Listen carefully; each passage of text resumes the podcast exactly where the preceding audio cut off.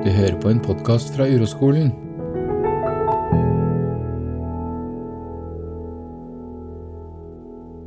Altså, vi, vi har snakka en del om kartlegging av barn og ungdom for å eh, finne eventuelle skjulte sykdommer, ikke sant. Det er det eh, på, på, eh, på nett så står det at eh, helsestasjonen skal arbeide for at barna får oppfylt sin rett til helsekontroll.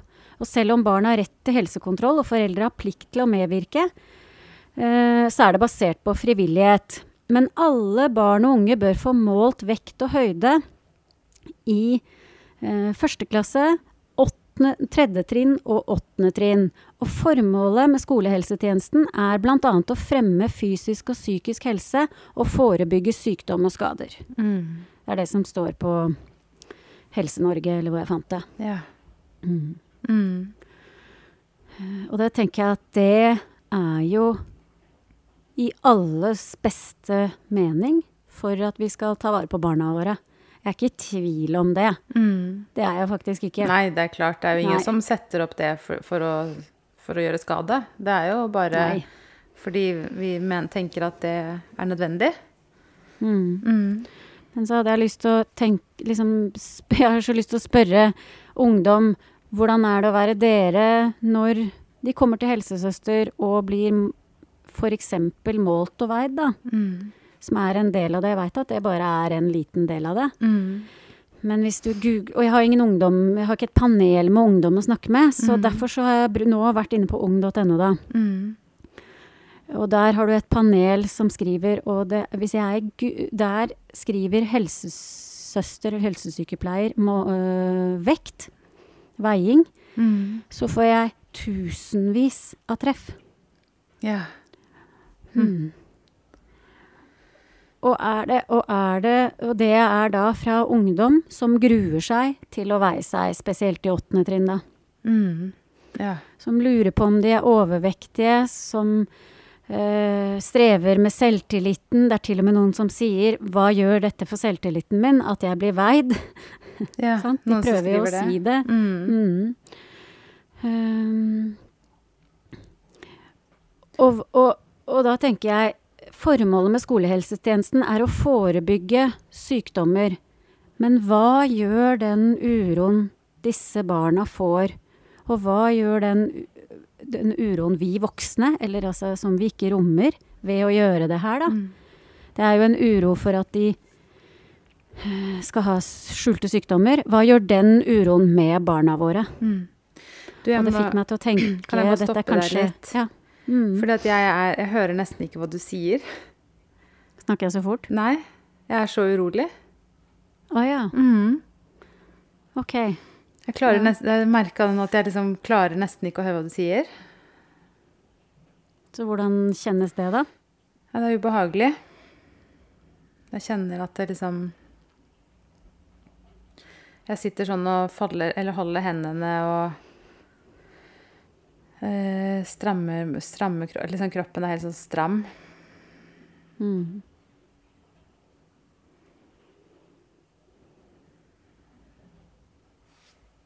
Du veit jo svaret på det spørsmålet hvordan, men det er nesten bedre å spørre hvor, da. Mm. Eller bare kan du kjenne det i kroppen, og det kan Mm. du jo. Mm. Mm. Jeg kjenner til og med at hjertet liksom hopper over noen slag. Det, er sånn, det liksom dunker skikkelig og Hvis vi kanskje kan bare ta litt tid, og så kan vi gå videre. Men hva er det som Hva er det som foregår oppi Jeg vet ikke. Jeg ble tankene dine nå? Jeg har vært urolig egentlig siden vi begynte, men så ble jeg veldig urolig når du begynte å snakke om det derre Jeg tror en, jeg tror en ting var eh, at eh, helsekontroll er barns plikt til helsehjelp, eller hva det var for noe.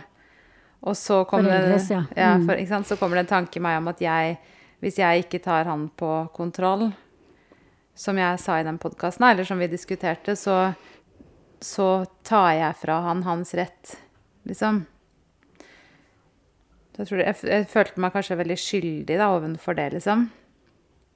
Mm. Men Jeg tror jeg, tror bare, jeg tror jeg bare er redd for å si noe feil, ikke sant. Bare redd for at eh, folk skal misforstå oss og mene at vi er eh, idioter. Vi tråkker jo i et ormebol nå. Jeg, jeg føler vi står oppi det og tråkker, liksom. Mm. Ja. Så jeg ser, jo, jeg ser jo at vi skal gjøre det. Ikke for å provosere, men i hvert fall for min egen del, da. At jeg har jo bare lyst til å trekke meg, liksom. Så jeg ser jo at det er veldig nyttig å, å fortsette å snakke om det her, da. Det er jo også lov å ikke legge ut podkasten. Selvfølgelig. Mm.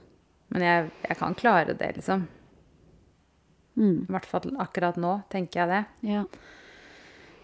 Så hvordan er det i kroppen din Nei, akkurat det er nå, litt roligere nå. Mm. Mm. Mm. Mm. Ja, så det siste jeg fikk med meg av det du sa, da, det var det her med at du hadde gått inn på Ung og, um, og lest dette her om veiing og måling. Så vi kan jo, vi kan jo ta for oss det, da, ikke sant? Fordi at eh, det er jo ikke nødvendig Altså, eh, Martin hadde ringt til helsestasjonen da, for å høre hva som eh, Fordi han, han var, lurte på om han skulle ta med seg Johannes. Mm. For å høre hva, hva man egentlig gjør på en sånn kontroll. Så det er jo mange ting de gjør der som er nyttig, så han ville ta med seg Johannes på det. Mm. Ehm, sånn at det er jo på en måte jeg, jeg vil tro at det er noen ting, kanskje særlig når vi snakker om det her med høyde og vekt, som er veldig kanskje vanskelig. Ikke sant? For én ting er om du skal sjekke testiklene til et barn, at alt er som det skal der, liksom. Det er noe veldig sånn fysisk og til et lite barn, ikke sant? Eller andre ting. Men det der med høyde og vekt, er jo, det er jo et sensitivt tema, da. I hvert fall i 14-årsalderen, liksom. Mm. Er det noen ganger, andre ganger, det er et sensitivt tema? Eller verst eh, Det verste husker jeg var jo 14 år, eller Mm. 14-15, 8, 13-14-15 er du. Mm. Mm. Ikke sant? Så, men jeg skal egentlig ikke lese opp, jeg skal bare fortelle hva det var, um, det var en, For det er så langt. Men det var en eh, 13-åring som skrev da. Eh, hun skrev eh, hvor høy hun var, eh, og hvor mye hun veide. Mm. Og at hun var redd for å bli veid, og var redd for at foreldrene skulle få vite hun, at, om, at hun var overvektig, da. For det Mhm. hadde hun jo klart å regne ut sjøl. Mm. Så svarer helsesykepleier på ung.no at det er ikke meninga at du skal være redd, men eh, BMI-en din viser at du er overvektig. Eh, men snakk med helsesøster, det er også frivillig, at du, så du må ikke bli veid. Mm. Eh, og så lenket hun til noen artikler om hvordan, hvordan man kan snakke med noen, og også hvordan man kan gjøre riktige riktig livsstilsvalg eller noe sånt. Da. Ja. Mm. så Men- det, eh, I, når du sa det der nå, da, så tenker jeg der har vi jo kanskje liksom noe av det vi har lyst til å snakke om i dag. Når hun sier det er ikke meningen at du skal være redd. mm. Ikke sant? Og det er jo ikke meningen at vi som foreldre skal være redde for å dra på kontroll, eller skal være redde for at barna våre blir syke, ikke sant? Men det er jo det vi er. Og det er jo det vi blir. Og det er jo det som Det er jo et annet aspekt av denne samtalen, da. Det er hvis vi Det at vi hele tiden skal kontrollere og uh, f.eks. måle vekten, da, til små barn og sånn. Det gjør mange foreldre redde. Og hva gjør den frykten med våre barn? Så kan man jo kanskje mange si ja, men da må du ta ansvar for den frykten. Og ja, det må du jo. Men det ser jo ut som at sånn er virkeligheten, da. Og, men det er bare det at det er mindre målbart, liksom. Vi har ikke noe forskning som viser hva foreldres uro og frykt gjør med barna. Men på en måte har vi jo litt forskning på det på uroskolen, fordi vi har jo veldig mange foreldre som går til oss som har mye uro, og som har barn som sliter. Og Ja, og jeg, jeg ser jo akkurat at jeg har jo erfaring med hvordan det er eh, når en ungdom blir veid, eh, og ungdommen blir eh, funnet overvektig. Mm. Og helsesykepleier ringer hjem til foreldrene og forteller det. Uh, og forteller hvorfor det er farlig å være overvektig. Som jo strengt tatt bare er en tanke, og ikke virkeligheten i det hele tatt. For Mm. per def så har jo ikke barnet noen problemer, ikke sant. Ak per nå. Akkurat nå. Akkurat nå. Mm. Uh, så det er jo også Men hva det gjør med foreldrene, Mm. det har jeg sett i praksis. Mm. Og det er så vondt Ja. å se på. Og det er så vondt å være forelder. Fordi det er klart du blir redd. Mm. Det, det er ikke det Altså Hvis Hvis man har noe hvis vi, altså vi som kan noe om menneskesinnet, da. Vi skjønner, ser at det der Det hjelper ikke å si 'ikke bli redd'. Nei, ikke sant. Du ser bare på hva du, du gjør ikke når du begynner å bli redd. Du hører ikke resten av det jeg leser. Mm. Det der med basert på frivillighet og alt det der, det ble borte fordi Mm. du ble redd. Mm. Og, Og veldig så skyldig. henger veldig skyldig. Mm. Eh, Og det er klart foreldre som får beskjed om at ungene sine er overvektige, føler seg skyldig. Nettopp. Det er jo de som er, Han må ta, eller hun må ta andre uh, livsstilsvalg. Da har du vel gjort noe feil? Har vel tatt feil valg for Mhm. ungen din, da? Og ikke bare det, men det er jo ikke sånn at uh, når, når helsesykepleier ringer, og nå Det er jo ikke helsesykepleierens skyld heller, det er ingen sin skyld, men når foreldrene får beskjed om at uh, her er det svart på hvitt, barnet ditt er overvektig Det er jo ikke sånn at dagen før den telefonen kom, så hadde ikke de lagt merke til at barnet kanskje var overvektig. Ikke sant? Det, det, antageligvis har det også en lang historie. Ja. Så det er jo ikke sånn at Ja. den informasjonen egentlig er ny. Den jo, det, de vet jo allerede, men at det antageligvis vil det forsterke seg. Da. Jeg vil i hvert fall tro at de fleste vet det. Akkurat som de fleste vet at jeg selv er overvektig eller ikke. Ikke sant? Det er jo ikke sånn at noen trenger å si det til oss for at vi skal skjønne det.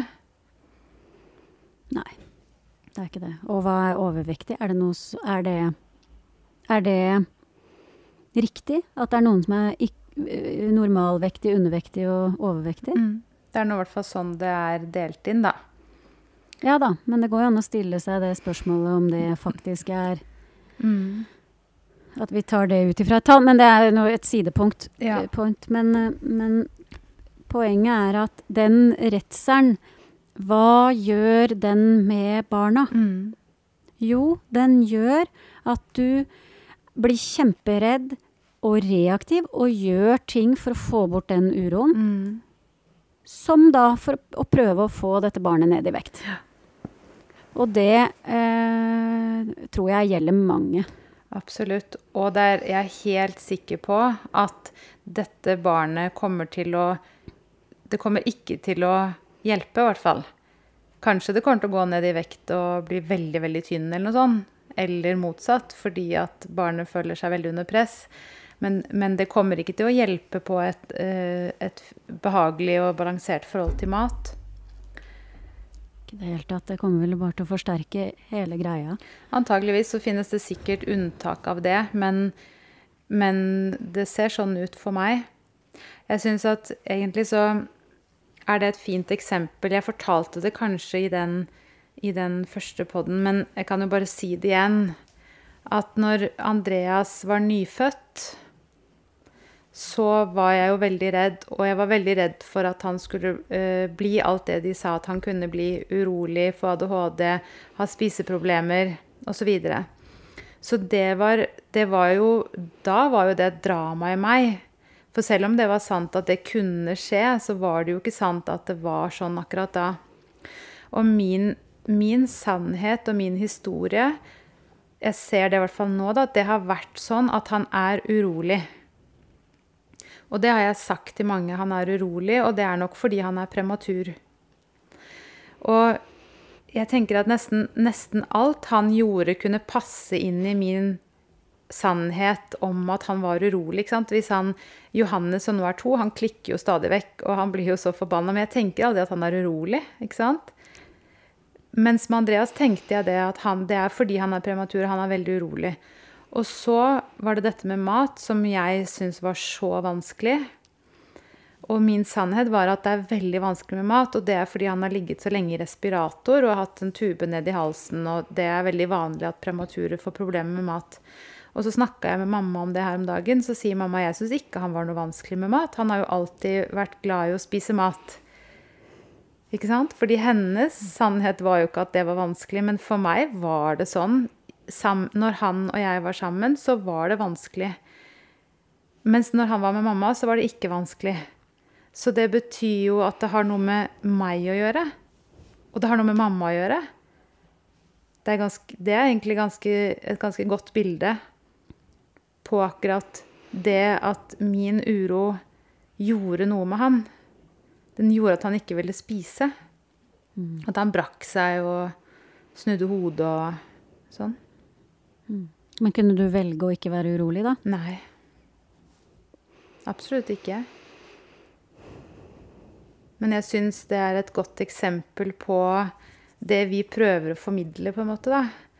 At det er at én ting er alt vi kan og vet, for vi kan og vet så veldig veldig mye i dagens samfunn. Foreldre, jeg er sikker på at nesten alle foreldre kan og vet at det er bra at barna spiser grønnsaker og grovbrød og ikke så mye is og kjeks og brus. Men den informasjonen, den har jo ikke alltid så mye med virkeligheten å gjøre. Jeg også kun, visste jo at det var bra for Andreas å ha en mor, rolig mor, liksom. Mm. Men det er jo ikke sånn at man, at man alltid klarer å gjøre det man kan og vet. Og hva gjør det med barna våre? Altså, jeg tror eh, at um, i samfunnet nå så har vi veldig mye fokus på vekt, og vi har veldig mye fokus på at vi blir mer og mer overvektige. Og spiser mer og mer drit, liksom. Mm. Det fokuset der, og den snakken om det, gjør det til at vi bedrer problemet? Det ser ikke sånn ut, da, for det blir verre og verre. Mm. Og flere barn er overvektige.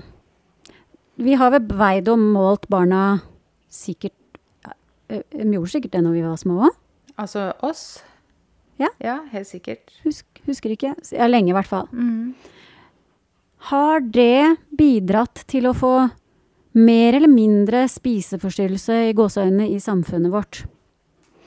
Og den veiinga og målinga vi gjør for, i ren kjærlighet for å forebygge sykdommer, gjør den at ungene får mer eller mindre spiseforstyrrelse? Mm.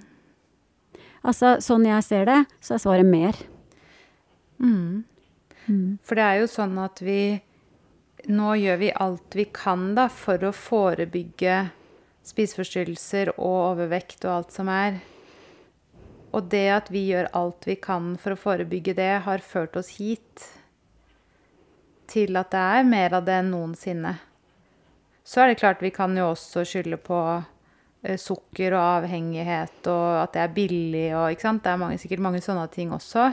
Og det er lettvint og Men det jo en, da blir det en annen diskusjon, da. Men det har, det er klart, For det er jo klart, det var må jo Det måtte jo være vanskeligere å bli av, eh, overvektig for 50 år siden, eller 100 år siden.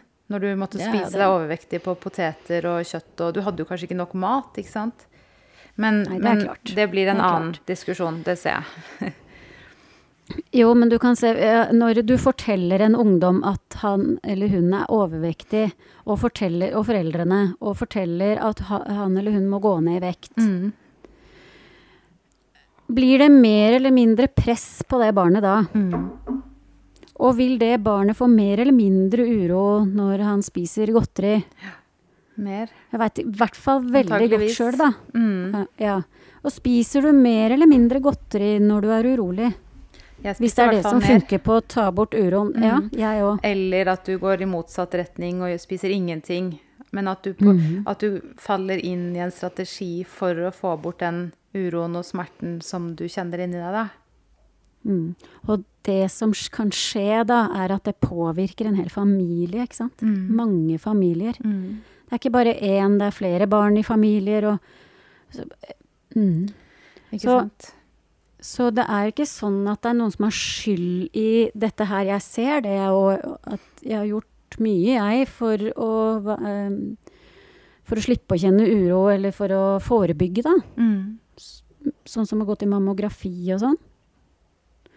Ehm, men jeg har jo vært redd. Det har jo vært det. Mm. Jeg har vært redd for at, vi, for at det skal være noe i veien med unger og meg selv. Mm. Mm.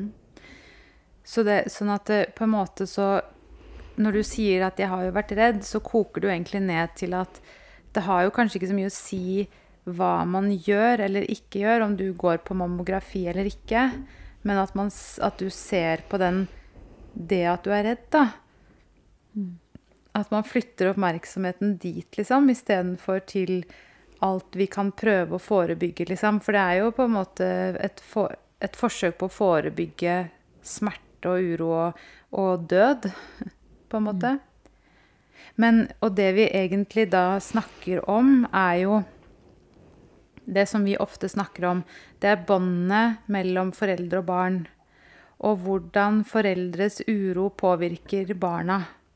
Og vi vet jo ikke det, men det ser ut for oss som at det er det som skjer. At når foreldre på en eller annen måte er urolig, så kommer barnet under press. Og at under press så hører ikke jeg hva du sier. Ikke sant? Jeg har et veldig godt eksempel på det fra, fra nå, i livet nå. Ja. Fordi at eh, mamma jobber med regnskap, så mamma hjelper meg med mitt regnskap. Og det er, det er jeg så glad for. så mamma, hvis du hører dette, jeg er veldig takknemlig for det. Men så driver mamma og eh, stadig vekk maser på meg at jeg må begynne å ordne med pensjonsforsikring. Og jeg sier maser, og for mamma er det sikkert ikke mas, det er en vennlig påminnelse. Men det har ikke noe å si, men det er det hun gjør, ikke sant? Og hun, hun minner meg på det. Og det er så interessant, for jeg kjenner motstand mot å fikse Jeg kjenner motstand mot å gjøre det. Og alle tanker i meg sier at det er veldig lurt for meg. Liksom at det er jo helt sant. Det er lurt og viktig og sånn å ordne det. Det må man tenke på, liksom. Men når den mailen eller meldingen kommer fra mamma, så kjenner jeg at, at det kommer motstand i meg. Og det syns jeg er så fascinerende. Jeg er voksen, og jeg har min egen familie. Men det er noe med at når mamma maser, så blir jeg så for, Jeg får ikke gjort det, liksom. Jeg har prøvd i sikkert et år nå. Jeg får ikke gjort det. Så jeg fortalte mamma det her, da, så hun sa hun skulle prøve å slutte å mase. Men det, er, men det syns jeg egentlig er et ganske sånn dagligdags og godt eksempel på at det er Det skjer noe, liksom. Og det er jo ikke sånn at jeg tenker nå skal jeg være kjip mot mamma og ikke ordne med pensjonsforsikring, for jeg er veldig glad i mamma. Så jeg skulle gjerne gjort det for at mamma ikke skulle være bekymra mer. Men jeg klarer det ikke. Ja, det er rart, det der. Det er ganske finurlig hvordan vi henger sammen ennå. Og, og da kan man jo tenke seg at fordi det her er på en måte det er pensjonsforsikring, det er, det er lite emosjonelt, jeg føler meg ikke kritisert jeg føler, ikke sant? Det, er, det er jo ikke noe vanskelig for meg at mamma minner meg på det. Men da kan man jo tenke seg når det du blir minnet på, er å ikke spise så mye godteri, da, fordi at du har lagt på deg litt, eller at det treffer noe mye, mye dypere i det barnet, da. Og kanskje en følelse av at jeg er ikke god nok for mamma eller for pappa, eller Jeg er ikke god nok, da. Tror du ikke det? Jo. Det er jo veldig lett å si at det er noe feil med dem. Mm. Det sier du jo med en gang. De, de er jo gode i matte, disse unga. De kan fint regne seg til hva som er overvekt og ikke overvekt, når vi av en eller annen grunn har et sånt skjema, liksom. Som jo alle der inne skriver. Må, det skjemaet er bare veiledende, du må ikke Det er stor forskjell på barn og sånn. Så hvorfor har vi det skjemaet? Eller altså, hvorfor, det, hvorfor bruker vi det? Eller de? Ikke sant? Det kan man jo. Man kan jo undersøke hvor det, Jeg syns det er så interessant å plutselig begynne å være den som setter spørsmål ved hvorfor jeg gjør ting. Mm. Og hvorfor jeg skal gjøre ting. Sånn som med helsestasjonen, da. Mm. Og uh, merker at med en gang jeg gjør det, så får det, er det mange som får piggene ute da. Ehm, men jeg gjør allikevel. Ja. Uh, men jeg har vært Jeg har jo merka i tidligere podkaster at jeg har ikke turt å si egentlig Vært veldig tydelig. At det kan lett bli litt utydelig. Og jeg hører når jeg snakker med folk nå, at det er, det er vanskelig Mm. å være tydelig. Ja. Jeg høres skikkelig antivakser ut, da. Mm. Og det jeg har jeg ikke lyst til. Det kjenner jeg i magen at jeg har ikke lyst til å være en sånn. Fordi da blir du liksom feid vekk som litt dum. Mm. Og det er det siste jeg har lyst til, liksom. Så, Ja. så det krever jo litt å gå ut og si noe annet. Mm. For hvis du er en sånn, så får jo ikke du høre til i samfunnet, liksom. Da blir du en av de som, som ikke får høre til, da. Mm. For det er jo flere som har tatt opp dette, dette etter den podkasten vår, at, uh, at vi har et uh, ansvar for fellesskapet. Ikke sant? Mm. Og kanskje er det der med å ta ansvar for fellesskapet At det kanskje egentlig bare koker ned til at hvis jeg ikke gjør det, så blir jeg kanskje utstøtt. Fordi at i teorien så tror jeg jo ikke at andre egentlig bryr seg så veldig om Johannes blir syk eller ikke. Altså? De, kjenner, de vet jo ikke hvem han er, de kjenner jo ikke han. Så det handler jo ikke om når de blir sinte på at jeg, ikke, at jeg snakker om å ikke gå på kontroll, så handler det jo ikke om han. For det er jo fælt å si det, men det er jo sant. Når vi ser på nyhetene og ser at nå blir det drept barn i Israel og Gaza og Det er jo veldig vondt å se det, men vi går jo alle sammen videre med livet vårt. Ikke sant? Så, virke, så det er jo egentlig det samme på en måte at det handler jo ikke om at, at vi alle tar ansvar for fellesskapet fordi at vi er i kontakt med at vi elsker de andre menneskene her på jord. Det er vel mer fordi vi er redde, da. Tror du ikke det? At jeg, hvis jeg ikke gjør, bidrar til fellesskapet, hvordan er det å være meg da? Da får jeg ikke Ja, høre eller til. sånn, sånn som Ja, da får du ikke høre til. Og da kan vi miste verdifull statistikk, hvis vi Er det også noen som har snakka om, da? Som vi bruker igjen til å forebygge og lære om samfunnet og lære om mennesket, da. Mm, Så bruker vi barna våre til det, mm, sant? Som ikke Som ikke har noe valg. Det er jo vi voksne som må ta ansvar for barna. mm. Så jeg tenker jo litt Så sånn at. Mm. at har jeg et ansvar skal, jeg, skal min familie gå på bekostning av fellesskapet? Og da er det jo sikkert mange som nå vil svare ja. Du må tenke på the greater good. Men det vi, fordi det vi prøver å si til de som lytter, er jo kan du ta ansvar for deg selv? Så hvis alle kunne tatt hvis det, er, hvis det, er, det er kanskje den veien vi må se, da. Fordi det vi har prøvd på hittil, er jo å ta ansvar for fellesskapet. Og hvordan syns vi det har funka? Har det egentlig funka så bra? Det er jo krig og elendighet og Ikke sant? Det har jo ikke hjulpet at vi tar ansvar for fellesskapet. Så da, i et større perspektiv, kanskje vi må gjøre noe nytt da også? Ja, for hvordan er det å ta, ta ansvar for fellesskapet når du er reaktiv? Når du er i fight eh, Jeg klarer aldri å si det. Fight, flight, freeze. Mm. Sant?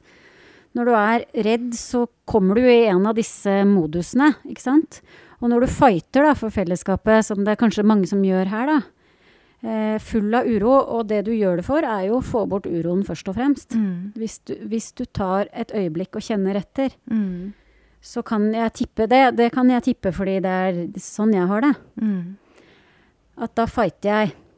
Mm. Og, og hvordan får man skapt en endring da? Kommer man i kontakt med eh, intelligens og eh, res, sine, e, sine ressurser, da? Alt som bor i mennesket. Det er ganske mye som bor i mennesket som som vi ikke får kontakt med, tror jeg, da. Mm. Får vi det når vi agerer på den frykten? Mm. Uh, det ser ikke sånn ut for meg. Det ser ut som om det gjør vondt verre da, for barna våre. Istedenfor å stoppe opp og kjenne Å ja, eh, hva er det som Hvordan er det i kroppen min? Eller kan jeg kjenne kroppen min, liksom? Mm. Ikke Mm. sant? Mm.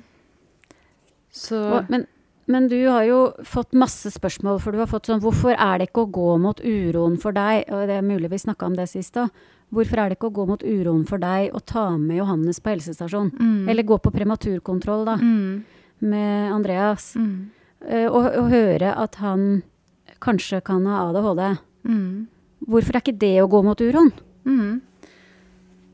Ja, nei um, eh, Sånn som når det kommer til Johannes, da, så Svaret på hvorfor det ikke er å gå mot uroen, er at jeg, jeg er ikke noe redd.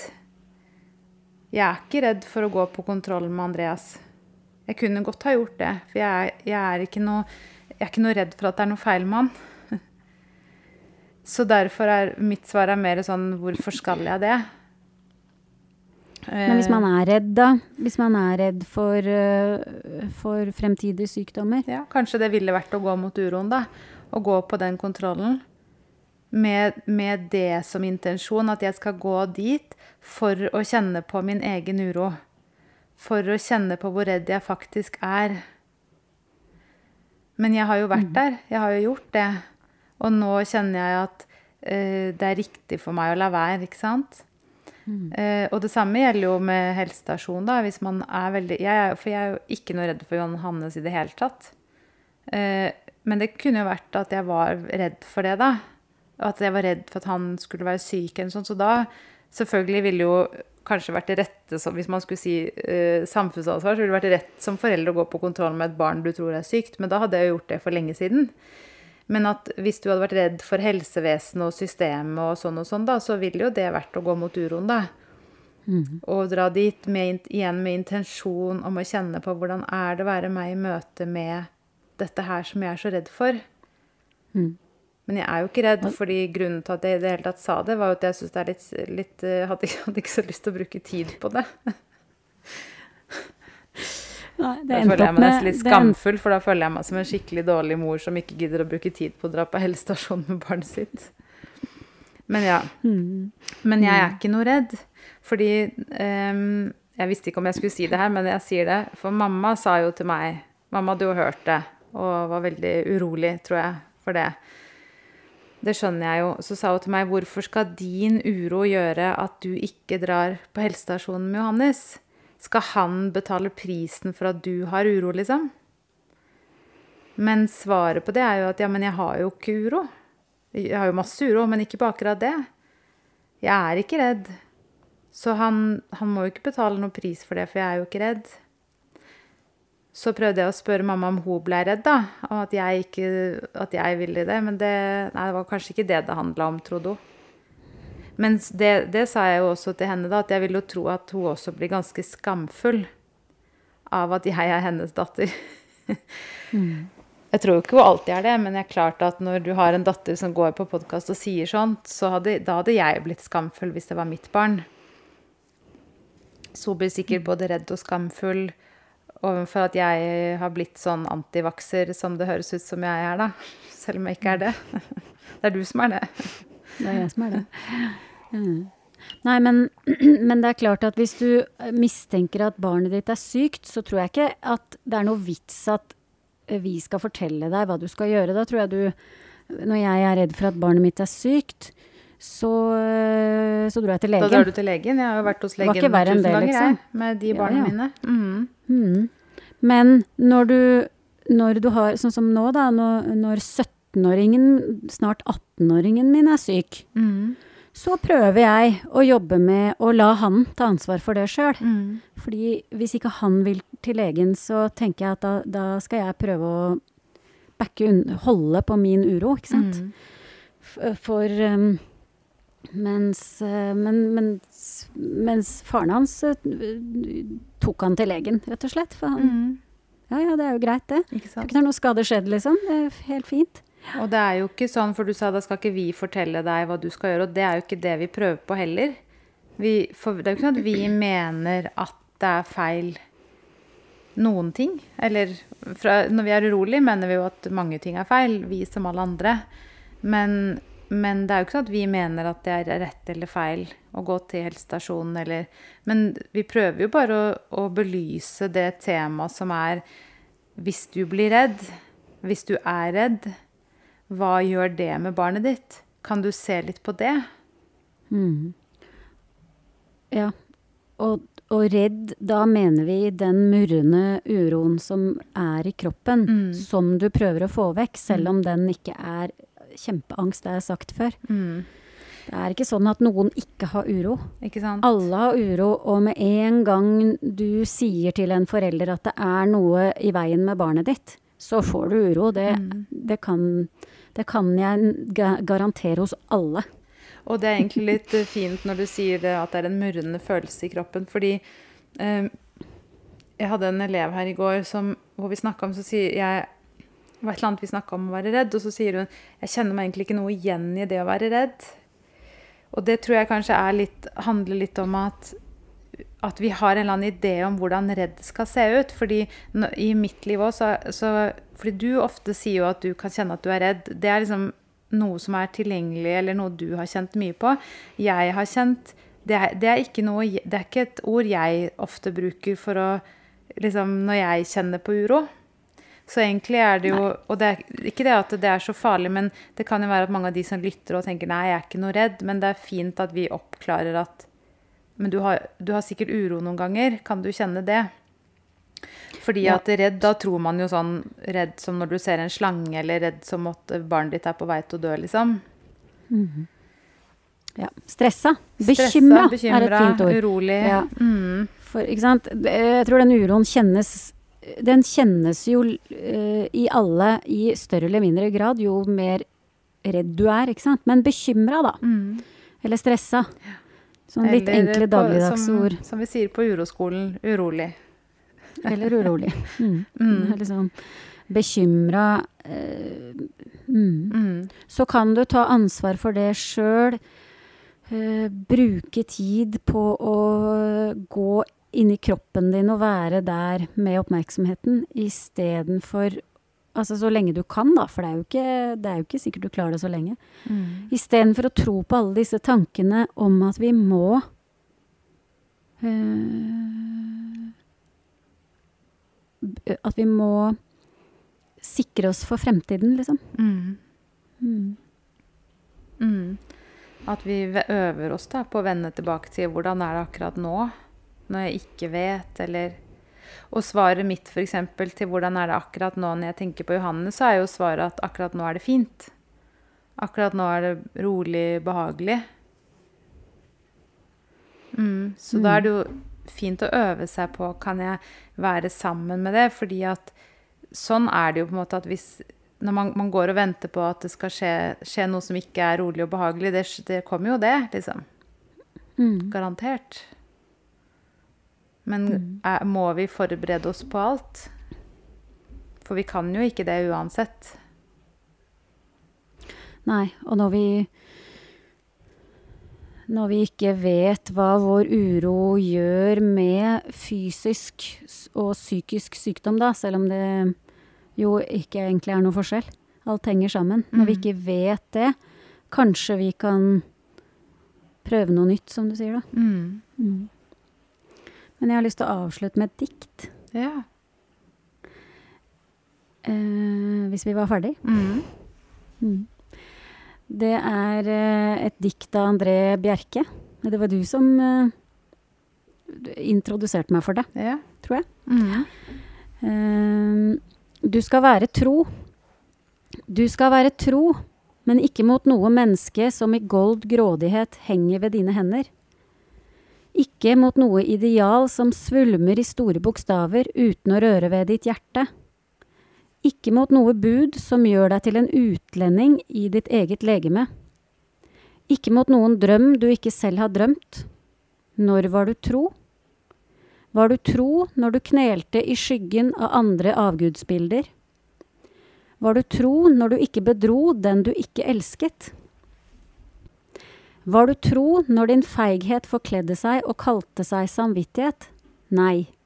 Men når det rø som rørte ved deg, ga tone, når din egen puls ga rytme til handling, når du var ett med det som sitret i deg, da var du tro.